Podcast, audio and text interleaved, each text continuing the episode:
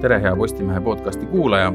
Te kuulete väitlust teemal Konstantin Väts tuhat üheksasada kolmkümmend neli. kas riigivanem käitus õigesti? mina olen Postimehe väitlustoimetaja Herman Kelomees ning täna väitlevad jaataval poolel Trivimi Velliste, tere! tere! ning eitaval Jaak Valge, tere! tervist! alustuseks on sõna paariks minutiks Trivimi Vellistel kui me räägime Konstantin Pätsist ja tema, tema elutööst riigimehena, siis on kolm perioodi, mis on tema elus olnud väga olulised. see esimene on siis, mis on seotud riigi väljakuulutamisega ja Vabadussõja algusega, kui ta kõige esimese valitsusjuhina juhtis Eestit, siis teine periood on see, millest me täna räägime, on seotud siis kolmekümnendate aastate esimese poolega ennekõike ja siis see kolmas kriitiline, ülioluline periood on seotud siis Hitleri-Stalini kokkuleppega ja kõige sellega, mis siis sellest järg, sellele järgnes. aga kuna täna me keskendume ainult äh, sellele, mis on seotud tuhande üheksasaja kolmekümne neljanda aastaga, siis jätame selle esimese ja viimase praegu kõrvale. ja kui nüüd rääkida, äh, mis siis õieti toimus tuhande üheksasaja kolmekümne neljandal aastal, siis noh, kõige olulisem on meeles pidada seda, mis juhtus tuhande üheksasaja kahekümne üheksandal aastal Ameerika Ühendriikides, seal algas kohutav majanduskriis, mis levis kiiresti Euroopasse ja jõudis ka tuhande üheksasaja kolmekümnenda aasta lõpuks täie jõuga Eestisse. ja Eestis äh, algas siis suur pankrottide laine, mis omakorda tekitas väga suure tööpuuduse ja kui ühiskonnas on väga suur tööpuudus, siis muidugi äh, tekivad noh, väga rahutud ja ärevad meeleolud ja noh, tekkis ka suur rahu, rahulolematus siis selle Toompeaga, kogu selle lehmakauplemisega, mis seal Toompeal oli siis toimunud üle, üle kümne aasta juba. ja tekkis siis täiesti uus poliitiline liikumine nii-öelda rohujuure tasandil, mis kasvas välja siis Eesti vabadussõjalaste ühingutest Eesti äh, Vabadussõjalaste Keskliit siis äh, otsustas niimoodi järk-järgult muutuda selliseks poliitiliseks organisatsiooniks ja asi siis ühesõnaga arenes juba selles suunas, et äh, vapsid ehk vabadussõjalased tegid ettepaneku muuta riigi põhiseadust. ja noh, ma usun, et me nüüd noh, oma edasises arutelus siis saamegi Jaaguga vahetada mõtteid selle üle, kuidas see põhiseaduse muutmine Eestis aset leidis, Riigikogu siis tegi kaks äh, katset, kõigepealt ise põhiseadust muuta, mis, mis ebaõnnestusid, kõigepealt pandi siis hääletusele Riigikogu äh, erakondade ettevalmistatud äh, eelnõu juba augustis tuhat üheksasada kolmkümmend kaks, mis lükati napi häälteenamusega rahva poolt tagasi mis oli tohutu pettumus Riigikogule ja siis Riigikogu tegi veel ühe katse juunis tuhat üheksasada kolmkümmend kolm ja siis juba see Riigikogu eelnõu äh, lükati tagasi juba väga suure häälteenamusega, nüüd, nüüd oli muidugi vapsidel tee valla esitada oma, oma eelnõu, mille nad ka Riigikogule esitasid ja mis siis ka oktoobris tuhat üheksasada kolmkümmend kolm väga suure häälteenamusega, seitsekümmend kaks protsenti valijaid hääletas selle poolt, võeti see, võeti see uus põhiseaduse eelnõu vastu ja sellega siis Eesti oli muutunud eh, senisest parlamentaarsest riigist noh, sisuliselt siis presidentaalseks riigiks. kuigi see noh, vapside süsteem oli teatud mõttes segasüsteem, aga seal oli ette nähtud väga tugev riigivanem, mis sisuliselt tähendaks nagu presidenti, isiku valimised ja, ja ka Riigikogu liikmete arvu vähendati viiekümnele jaa, et ma teen siis ka omalt poolt väikse sissejuhatuse ja ja viskan ka ühe sellise mõtte õhku, et mille üle me siis edaspidi võiksime arutada. et kõigepealt ja ma ka tunnistan seda väga hea meelega äh, kooskõlas Trevimi Vellist ega et Konstantin Päts on ilma kahtluseta väljapaistev Eesti riigitegelane ja ilma kahtluseta ka nii nagu ükstapuha missuguse teise poliitiku puhul on temal, tema poliitikaelus, poliitiku elus ka selliseid positiivseid ja negatiivseid episoode. aga, ja kindlasti selle tuhande üheksasaja kolmekümne üheksanda ja neljakümnenda aasta alistumise või selle alistumise vormi üle, et selle üle kindlasti vaieldakse edasi ja küllap ka võib-olla tuleb veel uusi andmeid välja selle kohta, et mis, mida tähendas ikkagi tema palga saamine siis Nõukogude naftakompaniilt aastatel tuhat üheksasada kolmkümmend, kolmkümmend üks. aga täna kõne all olev siis tuhande üheksasaja kolmekümne neljanda aasta riigipööre ja sellele järgnenud siis autoritaarkorra kehtestamine on minu arvates küll üheselt äh, negatiivselt hinnatavad. vot äh, minu arvates nendele küll ühtegi õigustust ei ole äh, noh, ilmselgelt olid Eesti kodanikud igati demokraatiavõimelised, aga see riigipööre tõukas meid Euroopa autoritaarriikide hulka, samal ajal kui samasugustest uutest riikidest nagu Eesti jäid siis demokraatlikeks, noh näiteks ka Soome ja Tšehhoslovakkia ja lisaks sellele, et äh, hävitati tuhande üheksasaja kolmekümne neljandal aastal ka Eesti demokraatia, hävitati ka siiski Eesti kodanike eneseusaldus äh, see oli ka üks samm siis tõepoolest selle tuhande üheksasaja kolmekümne üheksanda, neljakümnenda aasta alistumise poole just nimelt sellises vormis, nagu see siis ka toimus. ja noh, ajalugu moderniseerida ei ole ju mõtet, et me ju räägime need, nende inimeste või hindame nende tegevust nende endi seisukohalt, nii nagu nad olevikku ja tulevikku nägid, aga siiski võiks öelda seda, et täna oleks meil palju kergem ka igasuguse meievastase propagandaga toime tulla, kui saaksime ikkagi näidata, et tuhat üheksasada kolmkümmend üheksa, nelja, neljakümnendal aastal siis ründas Nõukogude Liit ikkagi demokraatlikku Eestit. ja nüüd ma siis austatud Trivimi välistele reageerides, et noh, ilmselgelt sa äh, väitsid asjakohaselt, et, et need poliitilised mullistused toimusid siis tuhande üheksasaja kolmekümnendate aastate alguses esialgu kriisi tingimustes. aga, aga minu väide on siis selline, et tuhande üheksasaja kolmekümne neljanda aasta riigipööre, kaheteistkümnenda märtsi riigipööre toimus juba tingimustes, kus majanduskriis oli läbi ja poliitiline kriis oli juba ka oma sisuliselt oma lahenduse leidnud ja tuli lihtsalt minna valimiste poole, pärast seda oleks siis Eesti poliitiline olukord stabiliseerunud. Ja no ma ütleks selle oma kommentaari selle tuhande üheksasaja kahekümnenda aastate Eesti demokraatia kohta, ka, ka Päts rõhutas juba kahekümnendate aastate alguses tegelikult üsna kohe pärast ähm, Vabadussõda, et meie põhiseadus on ebaõnnestunud, see põhiseadus, mis võeti vastu Asutava Kogu poolt tuhande üheksasaja kahekümnendal aastal, oli noh, niisugune ülivasakpoolne, üli, üli, ülimoodne tolle aja tähenduses ei olnud äh, Riigikogule mingisugust tasakaalustavat jõudu, ei olnud riigipead ja, ja noh, tulemus oli see, et, et tõepoolest äh, Toompeal algaski ja kestis siis, siis üle kümne aasta selline lõputu lehmakauplemine, mõnikord valitsus vahetus kaks korda aastas, aga ühel aastal valitsus, valitsus vahetus isegi kolm korda aasta jooksul. Ja mõned valitsused, eks ole, kestsid ainult noh, mõne kuu või isegi mõne nädala, nii et selline, selline noh, lehmakauplemise demokraatia Toompeal ei ole kindlasti see, mida noh, Eesti, Eesti riik ja Eesti rahvas vajasid, aga noh, muidugi tegemist oli ju nii-öelda revolutsioonijärgsete meeleoludega, sest ütleme, need meeleolud, mis olid Asutavas Kogus, olid väga vasakpoolsed, sest vasakpoolsetel oli, oli enamus Asutavas Kogus ja, ja selles noh, poliitilistes hoiakutes oli väga palju naiivsust.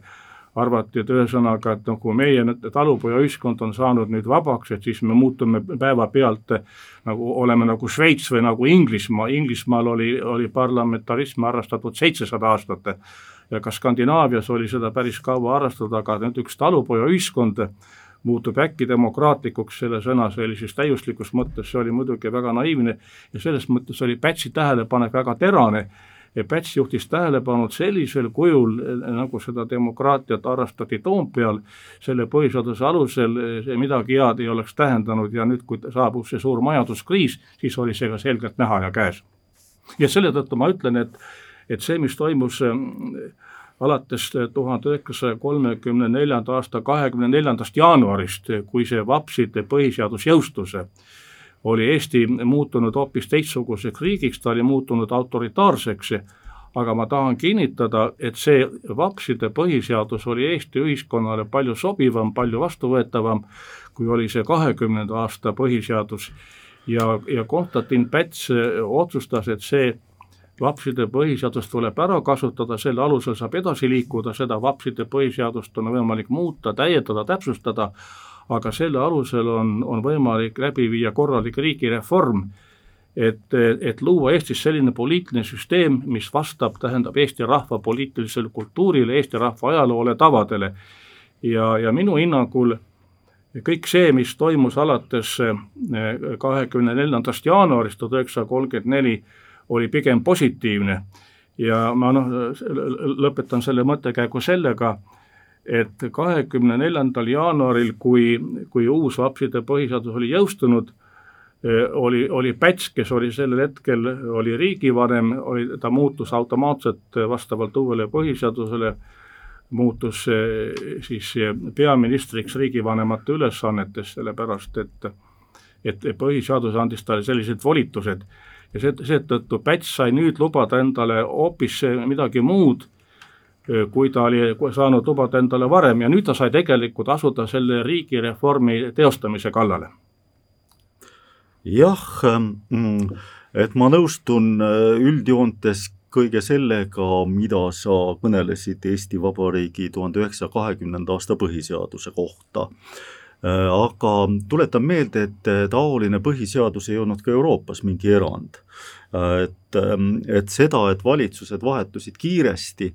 et see oli, et Eesti ei olnud isegi mitte kõige ebastabiilsem riik, kaugeltki mitte Euroopas selles mõttes. ja aga ka ma olen täiesti nõus ka sellega, et ähm, Äh, loogilise poliitilise protsessi korral oleks see põhiseaduse nii-öelda tasakaalustamine toimunud hoopis äh, rahulikumate reformide teel. aga, ja tuhande üheksasaja kahekümnendatel aastatel ju see põhiseadus lubas valitseda küll. ei olnud väga suurt häda midagi ja, ja loogiliselt oleks teda siis pidanud reformima, aga siis tõepoolest tuli see kolmekümnendate aastate alguse kriis ja siis läksid kõik olukorrad väga teravaks nii, ma kindlasti ei nõustu selle väitega, et, et justkui Eesti oleks olnud mahajäänud talupojaühiskond, et Eesti võrreldes oli, Inglismaaga ma mõtlen, ma ei mõtle üldse, vaid Inglismaaga või Šveitsiga võrreldes. tohib, ma jätkan? ja, ja, ja see on repliik ainult, ja repliik. et selles mõttes, et ega Inglismaa ja Šveits ei olnud mitte ainsad demokraatlikud riigid, et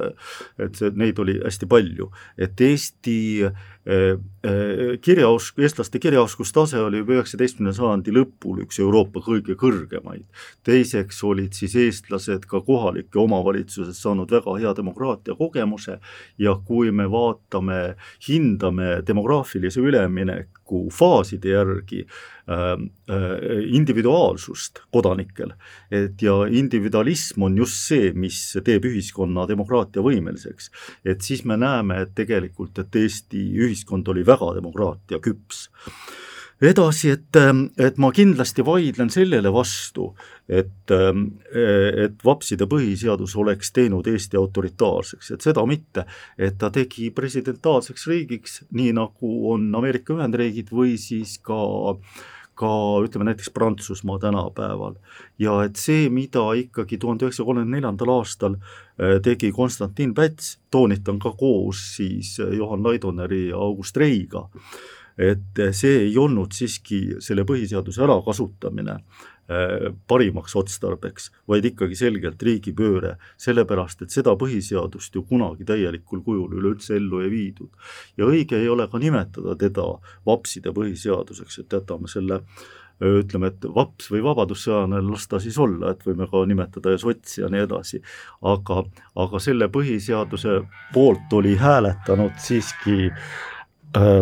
siiski äh, väga suur enamus äh, Eesti Vabariigi kodanikest. et see tähendas seda, et see oli ikkagi, ikkagi tegelikult Eesti Vabariigi kodanike põhiseadus jah, aga nüüd tähendab see, mis leidis aset kaheteistkümnendal märtsil tuhat üheksasada kolmkümmend neli, seda ei saa mitte mingisugusel juhul nimetada riigipöördeks ja seda hakkasid muidugi kutsuma riigipöördeks vapsid, kuna nendel oli selleks põhjus, sest nende, nende teekond võimule tõkestati. Nad olid muutunud vägi, väga vägivaldseks, ajaloodoktor Heino Arumäe on hästi kirjeldanud põhjalikult, mismoodi vapsid käisid sotside koosolekutel kaklemas ja siis see sotside võimlemisrühmad vastupidi, läksid ka vapside koosolekutele kaklema, nii et ühiskond oli muutunud ikkagi noh, ikkagi väga vägivaldseks, see ärevus, mis ühiskonnas oli, nüüd Pätsi üle ironiseeritakse, et ta kasutas väljendit, et rahvas on haige, kas siis ühesõnaga maailmas on organismi, kes ei saa haige olla, kas rahvas ei saa haigestuda, kui rahvas põeb kohutavat poliitilist palavikku, kui ajalehtedes käib kohutav sõimamine ja eriti puudutas see siis vapside ajalehte võitleja, et selles olukorras eh, ei saa kuidagiviisi väita, et, et see kriis, ühiskonnakriis oli lõplikult mööda läinud, muidugi see kriis ilmutas mõningaid raugemise märke, aga ei olnud mitte mingisugune, meil tagantjärgi tarkuses on seda väga hea ütelda, aga sellel hetkel, kui inimesed on selles olukorras, inimesed peavad eh, tegutsema, tähendab teatud, teatud varuga ja ei, ei olnud võimalik riskida sellega, et vapsidele jäetakse, tähendab nii-öelda vabad, nad ähvardasid, nad tulevad võimule igal juhul, kas tulevad valimiste teel võimule või tulevad siis jõuga võimule. Ja kui nüüd jaanuaris kolmkümmend neli toimusid kohalikud valimised, siis oli näha, et vapside käsi käis küll päris hästi suurtes linnades, aga maal, valdades nad said väga vähe toetust ja tollal elas enamik Eesti rahvast ju, ju maal selle tõttu nii-öelda vapside võit nii-öelda vabadel valimistel ei olnud sugugi kindel ja vapsidelt võis igasuguseid asju oodata. selle tõttu ma rõhutan, see, mis toimus kaheteistkümnendal märtsil tuhat üheksasada kolmkümmend neli, ei olnud mitte riigipööre, vaid see oli põhiseaduslik pööre. see president, siis noh, riigivanem Päts kasutas sedasama võimalust, mida oli aasta varem kasutanud riigivanem Jaan Tõnisson, kes oli juba korra kehtestanud kaitseseisukorra kolmekümne kolmandal aastal alguses kehtestas see Tartu maakonnas, aga hiljem ka üle terve riigi. ja selles mõttes, õiguslikus mõttes ei teinud Päts mitte midagi muud, kui oli kunagi varem, aasta varem teinud riigivanem Jaan Tõnisson ja me võime muidugi vaielda poliitiliselt, kas meile, ütleme, Pätsi seisukohad meeldivad või mitte, aga õiguslikult ta toimus, ta toimis vastavalt sellele põhiseadusele, nii et ma kordan veel kord, eks ole, me peaksime lõpetama selle eh, vapside ja nõukogude ajaloolaste korrutamise, tegemist oli riigipöördega, vaid me peaksime rääkima põhiseaduslikust pöördest jaa, ma jätkan siis siin kohe kontraargumentidega, et äh, ilma kahtluseta see oli riigipööre, et ma arvan, et ükski tänapäeva ajaloolane ei äh, väida vastupidist, noh, kas või siis sellepärast, et valimisi kehtiva põhiseaduse järgi ei tohtinud valimisi ära jätta, aga, aga Päts siis oma dekreediga siis lükkas valimised edasi nii kaua, kuni nad lõppkokkuvõttes ei toimunudki selle põhiseaduse järgi. Ja noh, see argument, mis ma enne ütlesin, et et kui äh, suure häälteenamusega vastu võetud kehtivat põhiseadust ei lase, äh, ei lasta äh, kaitseseisukorra kehtestamise ähm, tõttu siis Äh, äh, ellu viia, viia, et siis see, see ei saa olla mitte midagi muud kui riigipööre. ka näiteks, äh, ka näiteks Ago Pajuri Konstantin Pätsi monograafias ta täiesti selgelt nimetab seda riigipöördeks, siin ei ole mitte mingit kahtlust. nii, mis nüüd edasi, mis siis rääkida nagu poliitilisest vägivallast äh,, on nüüd ju niimoodi, et äh,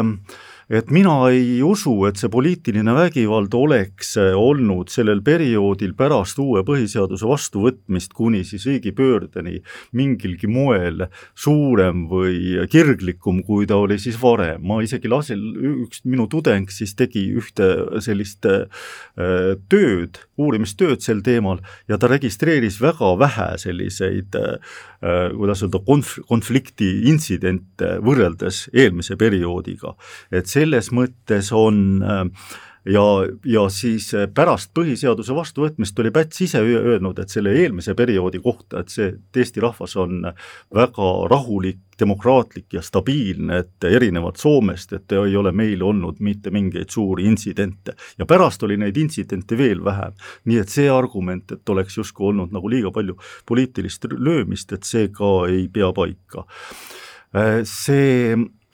mis puutub nüüd ajalehtede sellisesse poleemikasse, omavahelisse poleemikasse, siis tõepoolest toona olid ajalehed, olid siis erakondlikul alusel. aga jälle, et kui ma ise praeguse parlamendi liikmena noh, näiteks võrdlen seda retoorikat, mida siis kasutati tuhande üheksasaja kolmekümne kolmandal ja kolmekümne neljandal aastal, et selle retoorikaga, mida kasutatakse praegu, et siis ma ütlen, et praegune retoorika on märksa ja märksa krõbedam. nii et see ka nüüd ei saa olla äh, selliseks riigipöörde Äh, aluseks.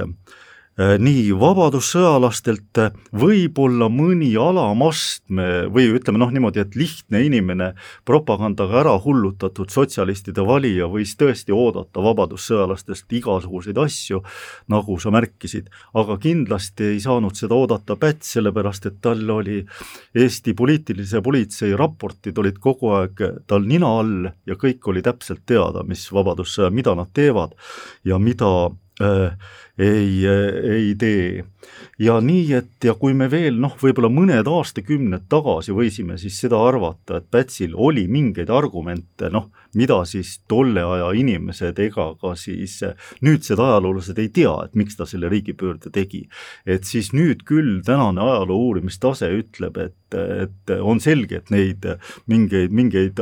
selliseid seni teadmata argumente riigipöörde äh, läbiviimiseks tal kindlasti ei olnud no ma kordan veel kord üle, et kaitseseisukorra kehtestamine oli täies kooskõlas kehtima hakanud põhiseadusega ja enamgi veel, see oli täies kooskõlas kaitseseisukorra seadusega. Ja kui on kehtestatud kaitseseisukord, siis on või, siis on õigus lükata ka valimisi edasi. Ja selle tõttu valimised ka lükkusid edasi. Ja seda tähendab, see on juba poliitiline valik, kui, kui palju nüüd edasi lükatakse, need lõpuks ju kolmekümne kuuendal aastal toimusid valimised, valiti rahvuskogu. Päts, Päts kolmekümne viiendal aastal selgitas oma kogu selle riigireformi mõtet, kui toimus üleriigiline omavalitsuste ja riigiametnike kokkutulek ja Päts tegi noh, täielikult selgeks, eks ole, kuhu, kuhu ta kavatseb selle riigireformiga liikuda ja rahvuskogu ju lõppude lõpuks siis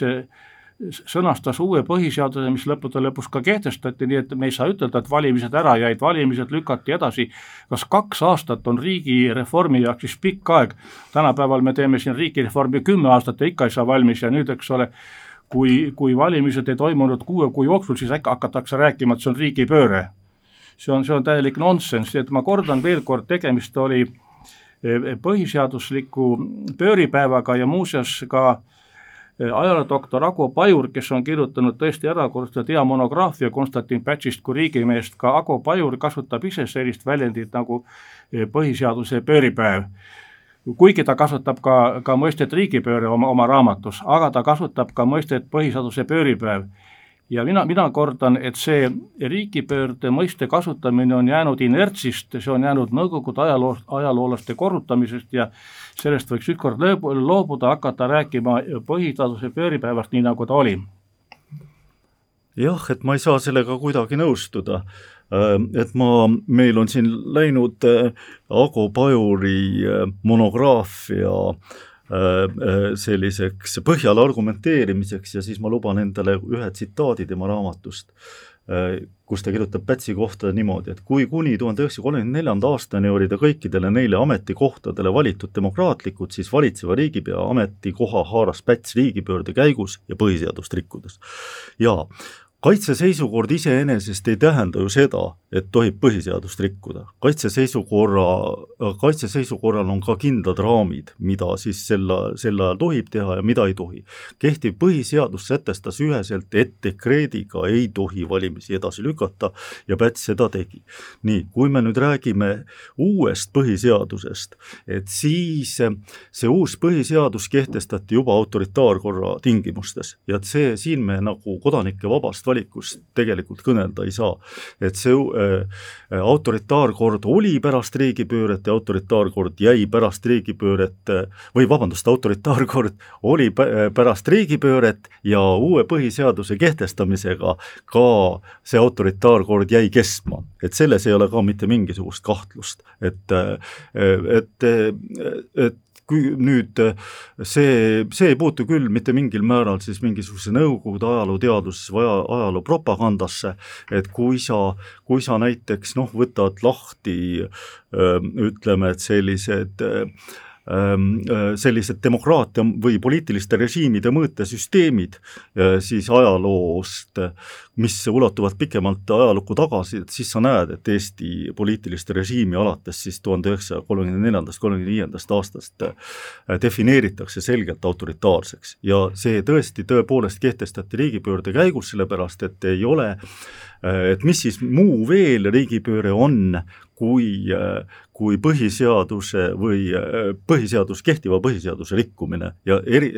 nendes eriti jämedates kohtades, nii nagu siis Konstantin Päts seda tegi. ja aga mina väidan, et autoritaarkord oligi kaitseseisukorra kord, sellepärast et kui kaitseseisukord oli kehtestatud, siis kaitseseisukorras peabki olema teatud aut-, autoriteet, teatud autoritaarkord ja seda sõna autoritaarkord ei pea kasutama halvustavas tähenduses, vaid mina kasutan seda positiivses tähenduses, sest see võimaldas hakata seda riigireformi ellu viima, mida Päts oli kavandanud ja Rein Veidemann on väga õnnestunult võrrelnud Konstantin Pätsi Eesti taluperemehe arhetüübiga. Konstantin Päts mõtles nagu klassikaline Eesti taluperemees talu tuleb korda teha ja talus peab valits-, talus peab valitsema mingisugune kord. ja see, millega siis noh, Päts hakkama sai selle autorita-, autoritaarkorra ajal, on ju väga, väga silma, silmatorkav ja ja ütleme, väga võimas kogu, kogu see Eesti riigi üleseitmine, linna südamed, siis ütleme, kodu kaunistamine, siis lipu, lipu viljel, lipu viljelemine ja kõige olulisem siis Eesti nimede eestistamine muidu me oleksime kõik Rosenbergid ja Feldbachid siiamaani. nii et eh, kui see kõik eh, kokku võtta, siis eh, Päts reformides Eesti riiki, tegi Eesti ühiskonnale ainult head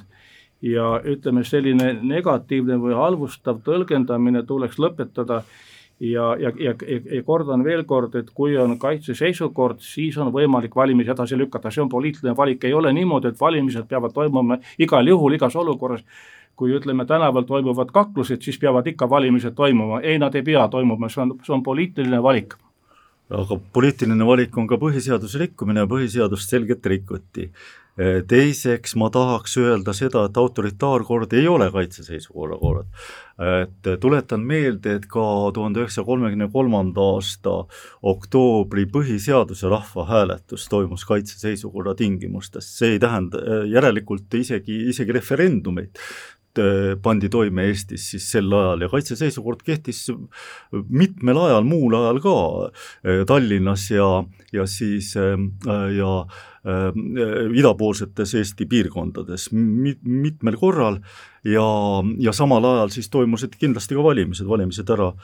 valimisi ära ei jäetud seda. nii, et need on küll toredad ja head asjad, mida siis tuhande üheksasaja kolmekümnendate aastate teisel poolel tehti, mida sa loetlesid, aga, aga ei ole mitte mingit põhjust arvata, et, et need, neid ei oleks siis muidu tehtud ilma Pätsita. ja, ja mina ütlen, noh, peale selle demokraatia kordan uuesti üle, et mida, mis siis tuhande üheksasaja kolmekümne neljanda aasta riigipöördega hävitati, siiski hävitati ka Eesti ühiskonna eneseusaldus et see on nii, et, et kui sedavõrd, sedavõrd, sedavõrd suure vaimustusega, mis see uus põhiseadus vastu võeti ja see, see siiski kehtima ei läinud, et see toob kaasa ikkagi väga suure sellise ütleme sellise masenduse ja pettumuse oma riigis ja, ja kõik sellega muud kaasas käivad, kaasas käivad negatiivsed ilmingud no mina, tähendab, ei nõustu sellega, et Eesti ühiskond oleks olnud masenduses Pätsi ajal, mul on noh, väga, ma olen väga palju allikaid uurinud, ma olen isegi kaasaegsetega rääkinud viiskümmend aastat tagasi, kui ma olin veel üliõpilane, ma olen rääkinud kümnete kaasaegsetega, kes kõik kirjeldavad seda, seda aega, Pätsi aega täiesti positiivselt ja mitte mingisugusest masendust ei ole juttugi, keda see malbe tsensuur häiris, oli väga kitsas kildkond poliitikuid, tavalise, tavalist inimest, tavalist Eesti inimest, need piirangud, mis Pätsi ajal olid, ei häirinud mitte sugugi, nii et eh, minu arvates me oleme praegust kogu selle paradigma, mis me oleme loonud, me oleme pannud nagu keeranud selle Pätsi aja nagu, nagu pea pealt või jalgade pealt pea peale ja nüüd oleks õige aeg see, kogu see paradigma keerata tagasi pea pealt jalgade peale jah, et äh, olen jälle sinuga nõus selles mõttes, et tagantjärgi tõepoolest seda äh, Pätsi aega hinnati ka positiivselt ja eelkõige selle tõttu, et siis hilisemad okupatsiooniajad olid veel palju hullemad, eks ju. et siis inimene ikkagi, see on niisugune mäluomadus, et ta me meenutab siis seda endist aega kõige parema meelega. aga nüüd põhimõtteliselt mina arvan ikkagi nii, et kui me tahame olla demokraadid, et sul nagu lipsas korra läbi see mõte, et võib-olla, et autokraatia ei olegi halb mina väidan, et autokraatia on alati halb. kui me tahame olla demokraatid, siis me ikkagi ei saa hinnata mingilgi moel positiivselt seda kaheteistkümnenda märtsi riigipööret. no mina väidan, et mõõdukas ja tsiviliseeritud autoritaarsus võib olla palju parem kui hädine ja vilets demokraatia ja seda me nägime just kahekümnendate aastate jooksul, kui, kui hädine ja kui vilets oli Eesti demokraatia, kuidas rahvas tõepoolest no ütles, et nad on, nad on, nad on lõpuni tüdinud sellest lehmakauplemisest, mis seal Toompeal toimus no ma jälle ei saa kuidagi sellega nõustuda, kahekümnendatel aastatel viidi Eesti Vabariigis ellu kõik suured tohutu võimsad reformid, noh nagu näiteks Euroopa kõige radikaalsem maareform. ja nüüd ütleme, see lehmakauplemise mõiste, et see ikkagi tuli tuhande üheksasaja kolmekümnendate aastate alguses käibele. et see ja Eesti, Eesti ühiskond oleks või olnud võimeline edasi ka demokraatiat kandma. aitäh head kuulajad, te kuulsite äsja väitlust teemal Konstantin Päts tuhat üheksasada kolmkümmend neli, kas riigivanem käitus õigesti, väitlesid Trivimi Velliste ja Jaak Valge. kuulake ka meie teist väitluste sarja nimega Väitlusmeistrid nii Postimehe veebis, Spotify's kui ka iTunesis. Kuulmiseni järgmisel korral